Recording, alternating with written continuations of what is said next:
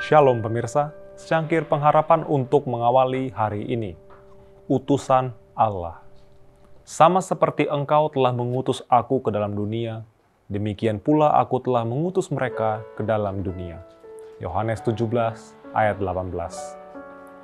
Tetapi bila kita menyerahkan diri kita seluruhnya kepada Allah, di dalam pekerjaan kita mengikuti petunjuk-petunjuknya, ia menjadikan dirinya bertanggung jawab untuk pelaksanaannya. Ia tidak mau meraba-raba keberhasilan dari usaha kita yang jujur. Janganlah sekali saja kita memikirkan tentang kegagalan. Kita harus bekerja sama dengan Dia yang tidak mengenal kegagalan. Janganlah kita berbicara tentang kelemahan dan ketidaksanggupan kita. Ini adalah bukti tidak percaya kepada Allah, suatu penyangkalan terhadap sabdanya Bila kita bersungut karena beban-beban kita atau menolak tanggung jawab yang diletakkannya di atas bahu kita, sebenarnya kita mengatakan bahwa Ia adalah Tuhan yang kejam, bahwa Ia menuntut apa yang tidak diberikan kuasa kepada kita untuk melaksanakannya. Allah bekerja melalui orang yang dikehendakinya.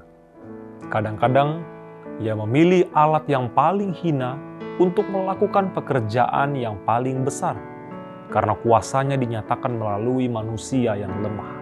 Kita mempunyai ukuran kita, dan dengan ukuran itu kita mengatakan satu hal sebagai besar dan hal yang lain sebagai kecil.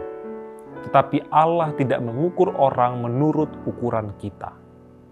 Tidaklah menjadi kewajiban kita menghakimkan atas talenta kita sendiri atau memilih pekerjaan kita. Kita harus memikul beban yang sudah ditetapkan Allah, memikulnya demi namanya, dan senantiasa datang kepada Dia untuk berteduh.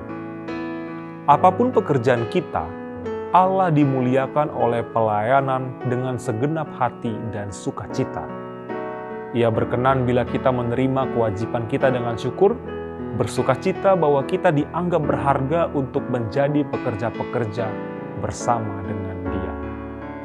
Oh, begitu senang Kristus menerima setiap manusia yang menyerah kepadanya.